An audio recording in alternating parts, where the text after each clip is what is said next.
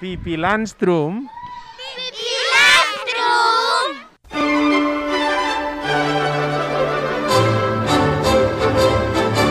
Històries de paper.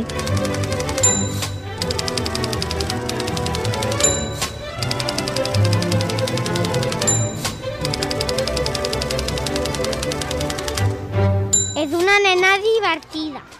Té dues trenes. La molt jugar. És un personatge que se li va inventar una nena petita. Ella té dos amics, que té un cavall i un mico i li agraden les llaminadures. S'alimenta amb xutxes. Té molts diners. La seva mare és un àngel. Com ja us podeu imaginar, estem parlant de Pipi Langstrom. Avui, dia de Sant Jordi, hem parlat d'ella a l'escola. Hem viscut un matí ple d'activitats relacionades amb Pipi Landstrom i Astrid Lindgren. I en el segon Històries de paper us ho volem explicar. Comencem!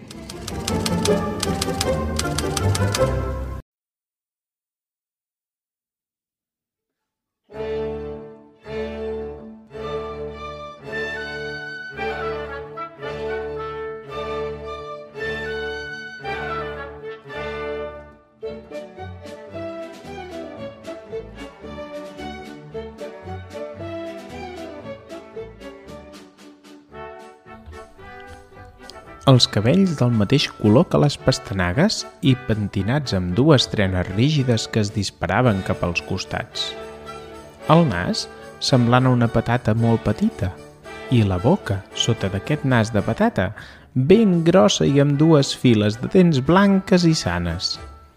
La cara tota esquitxada de pigues. El seu vestit també crida l'atenció. Confeccionat per ella mateixa amb la idea que fos blau, però com que l'hora de la veritat havia fet curt de tela blava, estava ple de retalls vermells aquí i allà. Les seves cames són llargues i primes, amb unes mitges igual de llargues, cada una d'un color, i als peus unes sabates negres, el doble de grosses que els seus peus. Aquestes sabates les havia comprat el seu pare, a Sud-amèrica, comptant que els seus pauets encara havien de créixer. Tampoc no pot passar desapercebut el mico que duia la noia sobre l'espatlla. Un mico petit, vestit amb uns pantalons blaus, una jaqueta groga i un barret de palla. D'aquesta manera és com en Tommy i la Nika, els seus veïns i companys d'aventures, descriuen la Pipi Landstrom, també coneguda com a Pipi Calces Llargues, la primera vegada que la veuen. Però qui és realment la Pipi Landstrom i per què vesteix d'aquesta manera tan particular? Avui us ajudarem a descobrir-ho i a conèixer algunes de les seves històries. Per fer-ho, hem demanat ajuda a les famílies de l'escola i ens han dit això.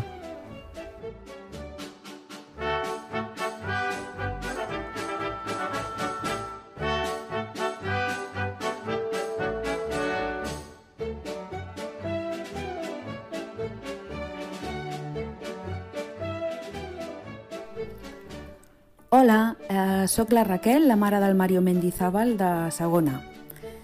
El meu fill, precisament, és de la classe de la màgia. I la Pipi era això, una nena plena de màgia.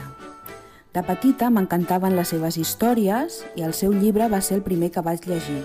Per això guardo un record molt especial d'ella. La Pipi eh, era una nena superforta, més forçuda que ningú del poble. Era llesta, valenta, divertida i superindependent. Les nenes, quan jo era petita, estàvem acostumades a llegir històries on sempre ens salvaven els prínceps, els superherois, els pares... I la Pipi va ser el primer personatge que ella soleta feia de tot. No necessitava ni prínceps, ni pares, ni superherois que l'ajudessin a ser feliç. Ho tenia tot amb el seu mico, el seu cavall i els seus amics. Per tant, us animo a llegir les aventures de la Pipi Landstrom, que és una nena que viu sola, que no va a l'escola, que té tots els diners del món, que s'alimenta de xutxes i xocolata i es vesteix com vol. És totalment lliure i contínuament es fa preguntes. Espero que us agradi. Un petó a tots i feliç Sant Jordi.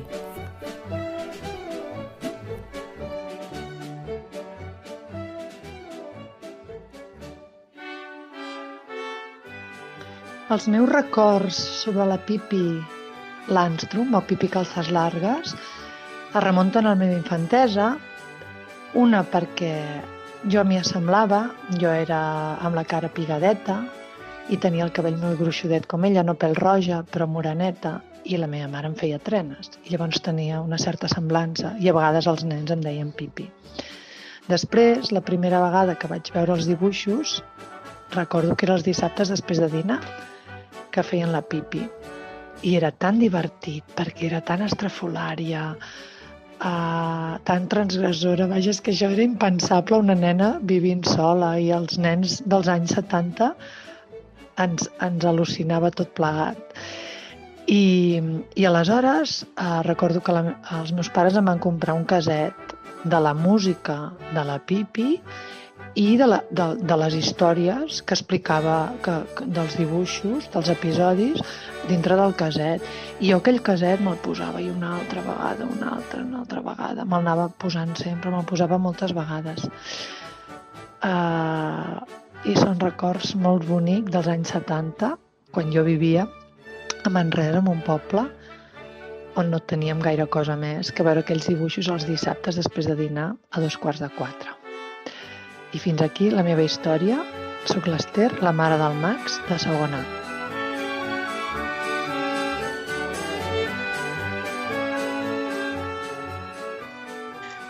Hola, sóc la Marilú, la mare del Sergi de cinquè de primària i de la Delia de primer d'ESO.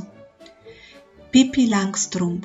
Aquest és el nom de la petita rebel més famosa al món, també coneguda com a Pippi Calces Llargues. És una nena molt original que posa de cap per avall la vida de la petita comunitat sueca de Visby, a l'illa de Gotland, on viu en companyia del seu cavall de lunars i d'un petit mico trapella, el senyor Nilsson. La Pipi, amb una actitud poc convencional i imprevisible, té una casa pintada de verd, rosa i groc que crida l'atenció dels veïns i per descomptat és molt estimada per als nens, entre tots els seus millors amics, el Tommy i la Nika. Què més m'agrada de Pipi? El seu món sense límits i la seva imaginació desenfrenada que ella viu com una realitat, des del pare pirata als objectes de la seva casa que prenen vida. M'agrada la forma de jugar lliurement en el seu món de nena, sense les pors i les obsessions que són típiques dels adults. Crec que ens ensenya algo molt valuós, que els límits de vegades són necessaris, però si són excessius poden convertir-se en obstacles per al nostre creixement i la nostra llibertat. Així que, nens i nenes, no poseu mai límits a la vostra fantasia i a la vostra imaginació.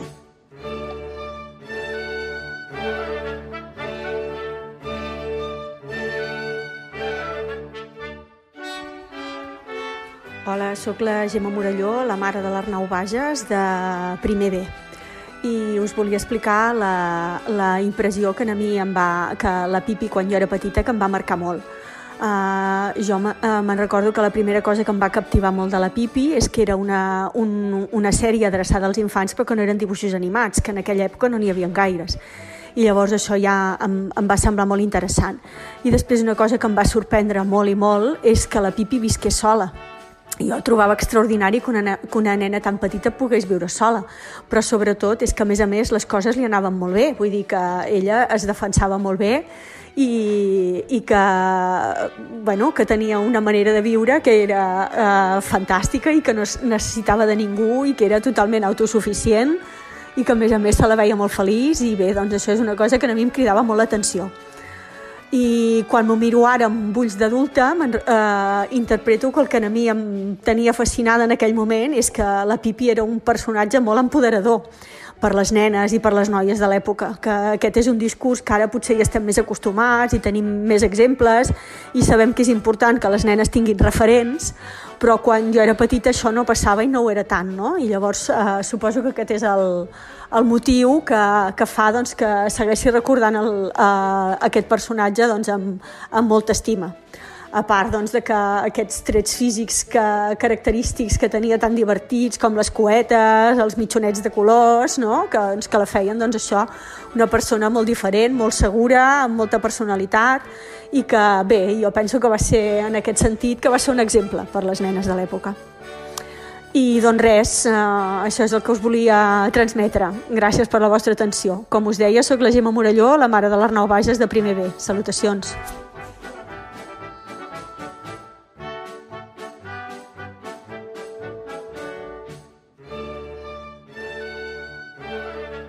Hola, sóc l'Elisabet Fígols, la mare de l'Abril de quart d'ESO i de l'Ingrid de sisè.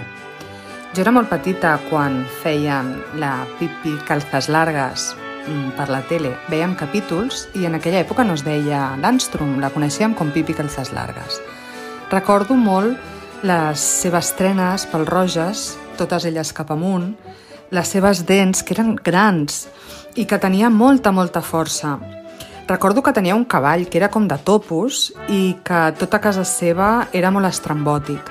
Tenia també una moneta per allà. Eh, com he dit abans, no recordo gaire les seves aventures, però quan veig una imatge seva o em ve el cap per alguna cosa, eh, sí que tinc un, un, com una memòria eh, molt positiva. Eh, sé que em divertia molt veient-ho i quan veig una imatge seva se'm posa un somriure a la cara. Així que molt ben triada. Moltes gràcies.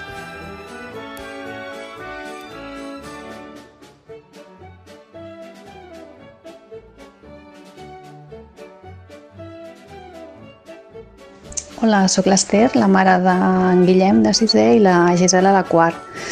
El que més m'agrada d'aquest personatge que a més és un dels meus preferits. Eh, primer de tot és que es tracta d'una nena que és forta, valenta, atrevida, creativa, original, eh, que fa les coses moltes vegades al revés del que suposa i això sempre crea un punt còmic. Eh, però sobretot el que més m'agrada és que d'alguna manera ella troba la seva forma de viure en el món no? lluny del que socialment està bé o malament, no? sinó troba el seu lloc, el seu espai i, i sap viure eh, segons les seves pròpies normes. És una història una mica surrealista, amb, amb bastants episodis una mica irreals, però que també desperten doncs, això, no? una, la imaginació i, i la diversió. D'alguna manera, el que aquest personatge transmetia era el dir, vinga, eh, busca la felicitat, busca instants feliços i, i sigues tu mateix, no? sigues tu mateix en aquest cas. Vinga, bon Sant Jordi.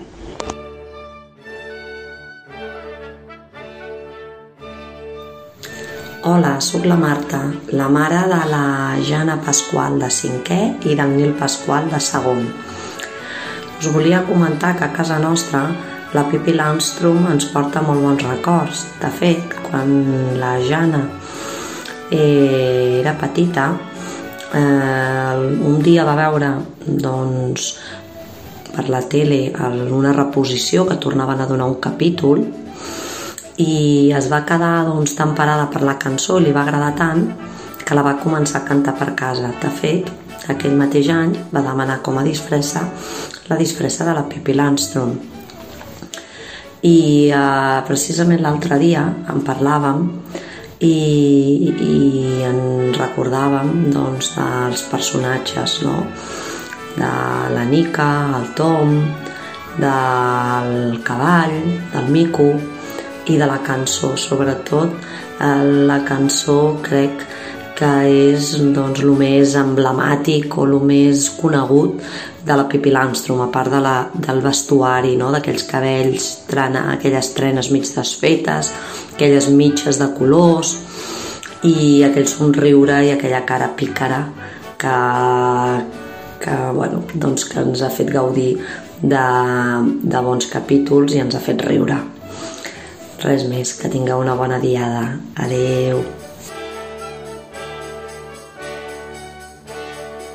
Hola, em dic Meritxell Ribó, sóc la mare de l'Oriol Castillo, de sisè, i nosaltres som tres germans, jo sóc la petita, i sí recordo veure la sèrie amb la meva germana gran.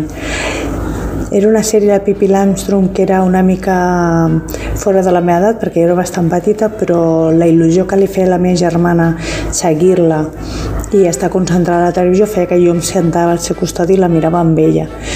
Recordo la il·lusió, la vida, la vitalitat, la manera d'encarar la vida de la protagonista, la Pippi Landstrom, i, la felicitat que ens donava d'estar junts veient aquesta sèrie. Moltes gràcies. Jo no recordo veure ni llegir la Pipi de petita, però tot i així tots sabíem qui era. Valenta, descarada, forta i generosa, i tan divertida i espavilada. Ara l'hem recuperat gràcies a trobar l'Astrid Lindgren al llibre de les dones rebels. Hem vist tots els capítols a YouTube i gràcies a la biblioteca i a la reedició actual hem llegit tots els llibres abans d'anar a dormir. Fins i tot la Neus n'ha fet un projecte a l'escola i tot, amb disfressa inclosa. Sovint riem perquè hi ha trossos nyonyos i masclistes quan surten la Nica i el Tom, però ens agrada donar-nos-en junts i sovint també riem de les històries massa exagerades i poc versemblants que explica la Pipi. Sovint jo ric perquè el que explica l'Astrid tampoc és creïble, però les nenes, abduïdes per l'aventura, no ho veuen que viatjar sols amb vaixells a l'altra punta del planeta ens posa els pèls de punta a qualsevol pare protector del segle XXI. També deuen riure elles per dins quan veuen que els pares acceptem sense rondinar la nefasta dieta de la pipi mentre a casa després intentem fer tot el contrari. També estem tristos perquè no té pares ni obligacions, o potser per això mateix ens fa una mica d'enveja. Suposo que depèn si aquell dia t'has sentit més o menys comprès pels de casa. Però mai ens enfadem mentre la llegim, i les cabòries ens fugen lluny, ben lluny. Gràcies, Pipi, i gràcies, Astrid.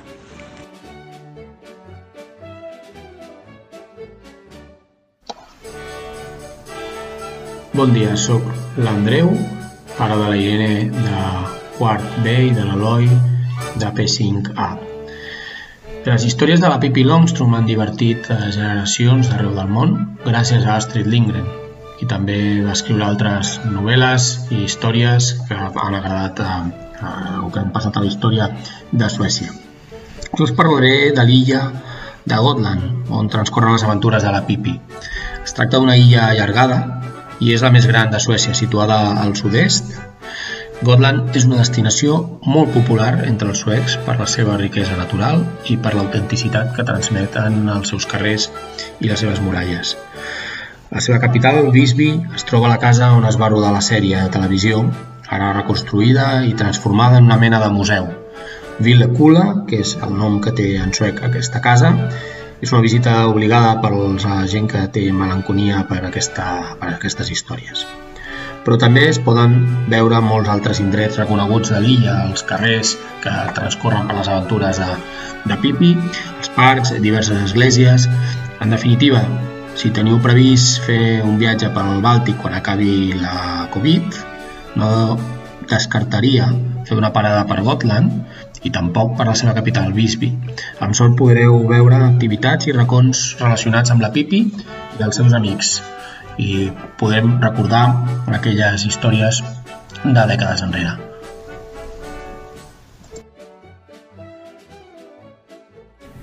I què en sabem de l'autora? L'Astrid Lindgren va viure a Suècia del 14 de novembre de 1907 fins al 28 de gener de 2002. Astrid Lindgren. Hi havia una vegada una nena que vivia en una casa de pagès amb la seva gran família. Es passava els dies volant lliurement pels camps amb els seus germans, però també ajudava a cuidar els animals de la granja. No sols els petits, com les gallines i els ànecs, sinó també els grossos, com les vaques i els cavalls. Es deia Astrid i tenia un esperit molt rebel. Era forta, valenta no li feia por estar sola i sabia fer tota mena de coses, netejar, cuina, arreglar una bici, caminar per les taulades, defensar-se entre els abusenanos i inventar històries fantàstiques. Et sona? Doncs si has llegit els llibres d'una altra nena petita que era forta, valenta i intrèpida, que es deia Pipi Calces Llargues, no t'estranyarà saber que l'Astrid n'és l'autora.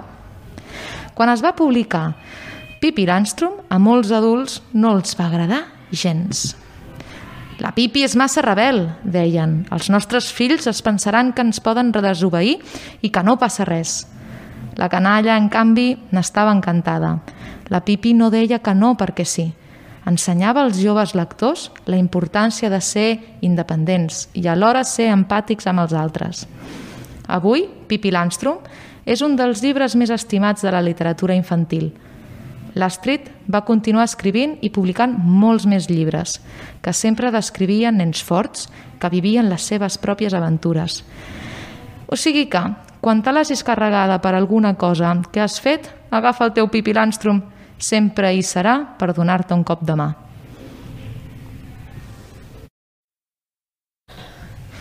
I d'on va sortir Pippi Landstrom? Doncs la seva autora, l'Astrid Lindgren, era una dona a qui li encantava explicar històries. Un dia la seva filla es va posar malalta i va estar molts dies al llit. Des del llit li va demanar que s'inventés una història, una història d'una nena que es digués Pipilota Pictualia Rugardina Krunsmintia Efraimsdotter Landstrom, més coneguda com Pippi Landstrom. L'Astrid va pensar que una nena amb aquell nom només podia ser una nena extraordinària i va començar a explicar-li històries a la seva filla sobre aquesta nena. A les dues els hi va agradar tant que l'Astrid, aprofitant un temps que va estar lesionada amb, amb una cama trencada, es va posar a escriure aquestes històries a màquina, amb la idea de regalar-li a la seva filla el llibre escrit sobre Pippi Landstrom. I així va ser. Així va aparèixer el llibre que ara tots coneixem. Nosaltres avui hem treballat la Pipi a l'escola, però us imagineu què passaria si la Pipi anés a l'escola? Escolteu aquest capítol, ja veureu com us agradarà. La Pipi comença a l'escola. No cal dir que en Tommy i la Nica anaven a escola. Cada matí, a les 8 en punt, sortien de casa agafats de la mà i amb els llibres sota el braç. A aquesta hora, la Pipi raspallava el cavall, o li posava la robeta al senyor Nilsson, o bé feia la gimnàstica matutina, que consistia a plantar-se ben dret al mig de l'habitació i executar 43 salts mortals d'una tirada. Després s'asseia damunt la taula de la cuina i es bevia sense pressa una tassa gran de cafè i es menjava una llesca de pa amb formatge. En Tom i la Nica, tot passant cap a l'escola, miraven Vila Vilècula amb els ulls plens d'anel. De bona gana haurien entrat a la casa a jugar amb la Pipi. Si almenys ella també anés a escola, la cosa seria diferent. Pensa com ens divertiríem tots tres en el camí de tornada, solia dir en Tommy. Sí, i en el d'anada també, deia la Nica. I com més hi pensaven, més penós els semblava que la Pipi no anés a escola amb ells. Al final van decidir que intentarien convèncer-la perquè s'hi apuntés. Ni t'imagines la mestra tan simpàtica que tenim, Pipi, va dir en Tommy, amb astúcia una tarda que va anar a Vila Vilècula després de fer els deures. Ai, si sabessis com és de divertida a l'escola, va afegir la Nica. Jo em tornaria boja si no hi pogués anar. La Pipi seia en un tamboret i arrentava els peus en una palangana. No deia res, només remenava els ditets i esquitxava tot de gotes al voltant. I no et pensis que t'hi has d'estar tot el dia allà tancat, va continuar en Tommy. Fins a les dues i prou. I al damunt et donen vacances per Nadal i Pasqua, i a l'estiu, va dir la Nica. La Pipi, pensarosa, arrossegava el dit gros d'un peu i no badava boca. Però aleshores va tenir un rampell i va volcar la palangana. L'aigua es va vessar per tot el terra de la cuina i el senyor Nilsson, que seia una mica enllà i jugava amb un mirall, es va mullar ben molls els pantalonets. És injust, va cridar la Pipi sense parar atenció en la desolació del Miquet. És absolutament injust i no ho penso consentir, què t'empatolles? va preguntar en Tommy. D'aquí a quatre mesos serà Nadal.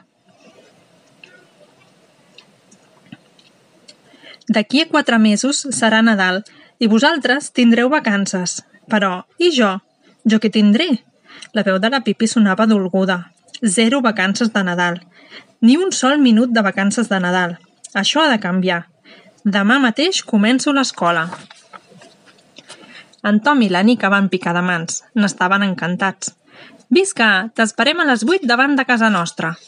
Ah, no, tant d'hora no puc començar, va dir la Pipi. A més, em penso que hi aniré a cavall. I això és el que va fer. A les 10 del matí, de l'endemà, va aixecar el cavall i el va baixar del porxo.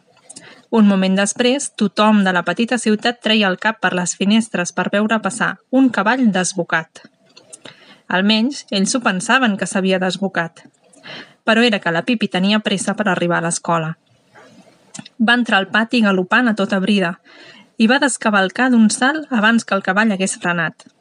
El va lligar a un arbre i va obrir la porta de l'aula amb tanta embranzida que en Tommy, la Nica i els altres nens van botar a les cadires. Ei, ei! va saludar fent voleiar el gran barret que s'havia posat per cavalcar. Que arribo a temps per a les paraules de... Per... Ei, ei! va saludar fent voleiar...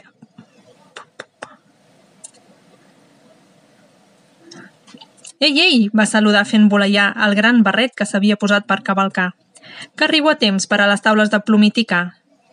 En Tom i la Nica havien anunciat a la mestra que vindria una nena nova que es deia Pipi Calces Llargues, i la mestra, que ja n'havia sentit a parlar als adults de la ciutat i a més a més era molt simpàtica i de bon cor, estava decidida a fer tots els possibles perquè la Pipi se sentís a gust a l'escola. La Pipi es va deixar caure en una cadira sense esperar que li convidessin, però la mestra no li va tenir en compte i en veu dolça li va dir «Benvinguda a l'escola, petita Pipi. Espero que t'hi trobis bé i aprenguis un munt de coses. Sí, i jo espero tin... Sí, i jo espero que tindré vacances de Nadal, va dir la Pipi. És per les vacances que he vingut. La justícia abans de tot. Doncs si em dius el teu nom i els cognoms, li va demanar la mestra, et podré matricular. Em dic Pipilota, Victuàlia, Rullgardina, Crust Minta, Calces Llargues. I sóc filla del capità Efraïm Calces Llargues, que en altre temps va ser el terror dels oceans i avui regna en una illa de les mars del sud. Pipis com em diu tothom, començant pel pare, que troba que Pipilota és massa llarg. Aleshores nosaltres també et direm Pipi, va dir la mestra. I ara, Pipi, farem una prova per avaluar els teus coneixements. Com que ja ets una nena gran, segur que saps bastantes coses. Començarem pel càlcul. Em pots dir quan fan 7 més 5? La Pipi es va quedar una mica parada i al mateix temps una mica fastiguejada i va contestar «Si tu no ho saps, no esperis que t'ho digui jo». Els altres nens van mirar-la, horroritzats. Els altres nens van mirar-la, horroritzats. I la mestra li va dir que allò no eren maneres de contestar a l'escola i també que a la mestra no li deies mai de tu, sinó que li deies mestra o professora. Em sap molt de greu, va dir la Pipi una mica avergonyida. No ho sabia, no ho tornaré a fer. Això espero, va dir la mestra. I ara et diré que 7 més 5 fan 12. O sigui que tu ho sabies. Llavors per què m'ho has preguntat? Oh, roca que sot. O sigui que tu ho sabies. Llavors per què m'ho has preguntat? Oh, que roca que sóc. T'he dit de tu un altre cop, perdó. La Pipi es va clavar una bona estirada d'orella, però la mestra es va estimar més no fer-ne cas i va continuar. Vejam, quan diries que fan 4 més 8? Més o menys 67. No ho saps. 4 més 8 fan 12. Senyora meva, ara t'has passat de la ratlla. Fa un moment has dit que 12 eren 7 més 5. Tingues una mica de formalitat, si us plau, que som a l'escola. I per cert, si t'agraden tant aquestes ximpleries, per què no t'asseus tu a fer sometes en un racó i ens deixes jugar tranquils a tocar i a parar? Ai, no! La Pipi va xisclar esgarrifada. He tornat a dir-te de tu. Em perdones per últim cop? Intentaré no oblidar-me'n mai més. La mestra va dir que la perdonava, però ja no li semblava una bona idea allò d'ensenyar càlcul a la Pipi i va adreçar les seves preguntes als altres nens. Tommy, contesta...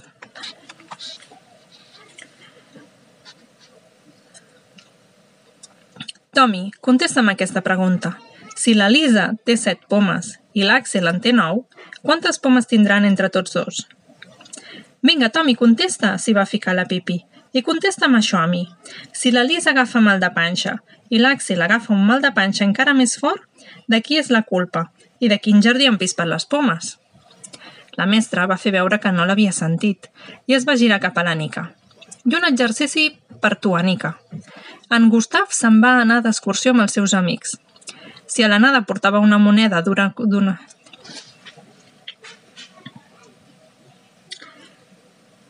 I un exercici per tu, Anica. En Gustav se'n va anar d'excursió amb els seus amics. Si a l'anada portava una moneda d'una corona a la butxaca i va tornar amb 7 cèntims de corona, quants diners es va gastar? Bona pregunta, va dir la Pipi. I com és que va gastar tant, eh? I en què s'ho va gastar? En refrescos per a ell i els seus amics? I les orelles? Ja se les havia rentat bé abans de sortir? La mestra va donar per acabada la classe de càlcul.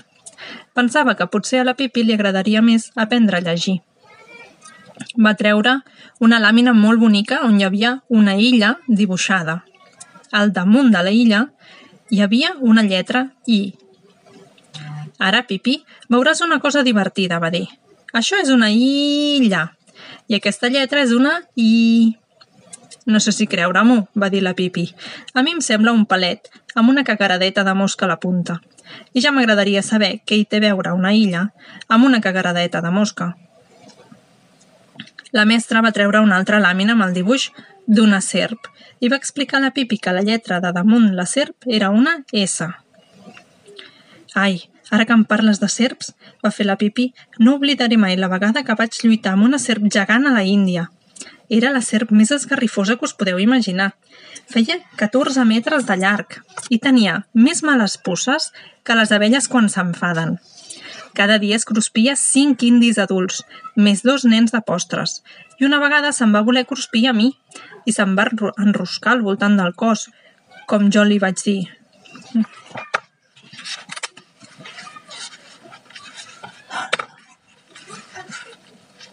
Ui, ara que em parles de serps, va fer la Pipi. No oblidaré mai la vegada que vaig lluitar amb una serp gegant a l'Índia. Era la serp més esgarrifosa que us podeu imaginar. Feia 14 metres de llarg i tenia més males pusses que les abelles quan s'enfaden. Cada dia es cruspia cinc indis adults, més dos nens de postres, i una vegada se'n va voler cruspir a mi i se'n va enroscar al voltant del cos, però jo li vaig dir «T'aviso que he après algunes coses útils navegant». I li vaig clavar un patac al cap, pam! Ella va xiular «Fiu, fiu, fiu, fiu!» i jo li vaig tornar a pagar «Patapam!» i la sarpassa va fer «Buah!» i es va morir. I així que és... Ai.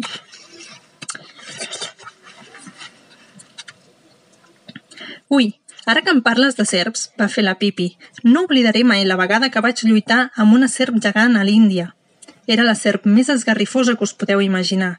Feia 14 metres de llarg i a més males pusses que les abelles quan s'enfaden. Cada dia es cruspia cinc indis adults, més dos nens de postres, i una vegada se'n va voler cruspir amb mi i se'n va enroscar al voltant del cos, però jo li vaig dir «T'aviso que he après algunes coses útils navegant». I li vaig clavar un patac al cap. Pam! Ella va xiular «Fiu, fiu, fiu, fiu!» I jo li vaig tornar a pagar «Patapam!» I la sarpassa va fer «Buah!» i es va morir.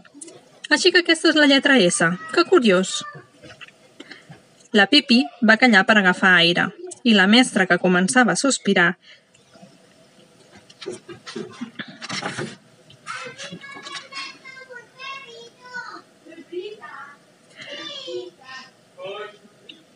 La Pipi va callar per agafar aire i la mestra, que començava a sospirar, que se les havia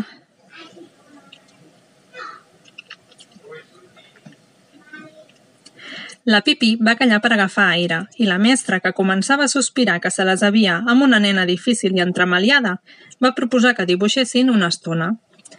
Potser així la Pipi... Potser així la Pipi s'estaria asseguda i tranquil·leta. Va repartir llapis i fulls. Dibuixeu el que vulgueu, va dir, i va seure a la taula a corregir quaderns. Al cap d'una estona va alçar els ulls i va veure que tots els nens estaven pendents de la Pipi, que, estirada de boca terrossa, Al cap d'una estona va alçar els ulls i va veure que tots els nens estaven pendents de la Pipi, que, estirada de boca terrosa, guixava al terra amb entusiasme. Però Pipi! Va saltar començant a perdre la paciència. Per què no fas servir el paper? Fa segles que me l'he acabat el teu paperet, va dir la Pipi. Però el cavall no m'hi cap sencer. Ara dibuixo les potes del davant i necessitaré el passadís per a la cua. La mestra va rumiar a la desesperada. Què us sembla, nens, si cantem una cançó? va proposar. Els nens es van aixecar de les cadires, tots menys la Pipi, que no es va moure de terra. Canteu vosaltres, que si jo descanso una estona, va dir. Massa coneixements poden espatllar la salut de la persona més sana. Aleshores sí que la paciència de la mestra es va esgotar. Va manar que sortissin tots al pati perquè volia parlar amb la Pipi. I un cop van estar soles, la Pipi es va alçar i es va atensar a la taula. Saps què, tu? va dir, però es va corregir. Sap què, mestre? Ha sigut molt divertit venir a l'escola i veure tot el que hi feu, però no crec que hi torni. Ja no m'importen les vacances de Nadal. Tant parlar de pomes, illes, serps i tota la pesca m'ha fet rodar el cap. Espero que no et disgusti la meva decisió. Però la mestra va dir que sí que ho estava de disgustada, sobretot perquè la Pipi no havia fet cap esforç per portar-se bé i també que cap nena que es comportés com ella no podria anar mai a escola, per molt que ho desitgés. Que jo m'he portat malament, va dir la Pipi d'allò més amb... Que jo m'he portat malament, va fer la Pipi d'allò més estranyada i va afegir amb tristor. No me n'havia donat. Ningú no podia semblar més trista que la Pipi quan estava trista de debò. Va guardar silenci uns instants i tot seguit va dir amb veu tremolosa. Has d'entendre que, quan ets una nena petita, que ha passat la vida navegant, i tens una mare que és un àngel i un pare que és un rei de les mars del sud, és impossible saber com t'has de comportar a l'escola, entre pomes, illes i serps. La mestra, quan va sentir aquestes paraules, hi va pensar i va dir que l'entenia, que ja no estava disgustada i que potser podria tornar a l'escola quan fos una mica més gran. La Pipi, contentíssima, va exclamar Ets d'allò més simpàtica, mestra. Agafa això, té. Es va treure de la butxaca un rellotget preciós, tot d'or, i el va deixar damunt la taula. La mestra va dir que no podia acceptar un regal tan valuós, però la Pipi la va amenaçar.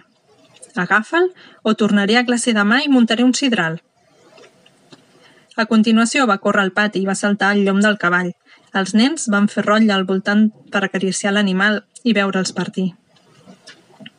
A les escoles de l'Argentina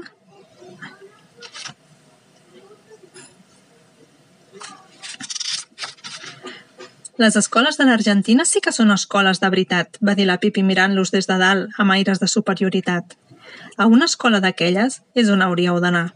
Les vacances de Pasqua comencen tres dies després que s'acabin les vacances de Nadal.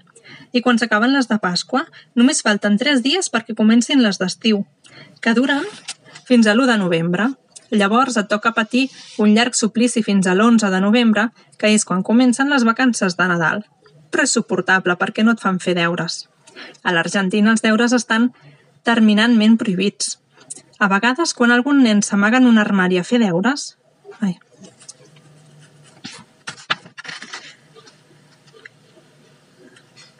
Les escoles de l'Argentina sí que són escoles de veritat, va dir la Pipi mirant-los des de dalt amb aires de superioritat. A una escola d'aquelles és on hauríeu d'anar. Les vacances de Pasqua comencen tres dies després que s'acabin les vacances de Nadal. I quan s'acaben les vacances de Pasqua, només falten tres dies perquè comencin les d'estiu, que duren fins l'1 de novembre. Llavors et toca patir un llarg suplici fins, fins a l'11 de novembre, que és quan comencen les vacances de Nadal però és suportable perquè no et fan fer deures. A l'Argentina, els deures estan terminantment prohibits. A vegades algun nen s'amaga en un armari a fer deures, però pobre d'ell si la mare l'enxampa. I oblideu-los de les matemàtiques. A les escoles argentines no n'ensenyen, i si un alumne sap quan fan 7 més 5 i és tan capsigrany que ho diu, la mestra el castiga de cara a la paret un dia sencer. Ah, i de lectura només en fan els divendres. En el cas que tinguin llibres, és clar, però mai no en tenen. Aleshores, què hi fan a l'escola? Va preguntar un nen.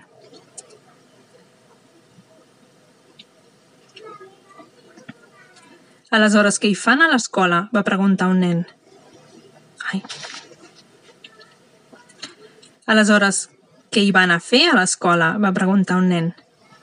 A menjar caramels, va contestar la Pipi sense parpellejar. Hi ha un tub molt llarg que va directament a l'escola des de la fàbrica de caramels més pròxima.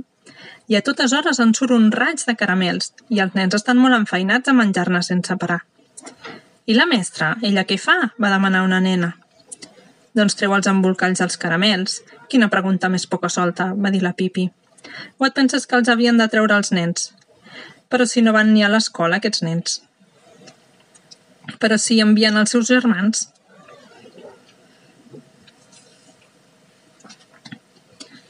I la mestra? Ella què fa? va demanar una nena. Doncs treu els embolcalls dels caramels. Quina pregunta més poca solta, va dir la Pipi. O et penses que els havien de treure els nens? Però si no van ni a l'escola, aquests nens. Però si hi envien els seus germans. La Pipi va saludar alegrement amb el gran barret i va cridar. Adeu, canalla! No em veureu durant una temporada.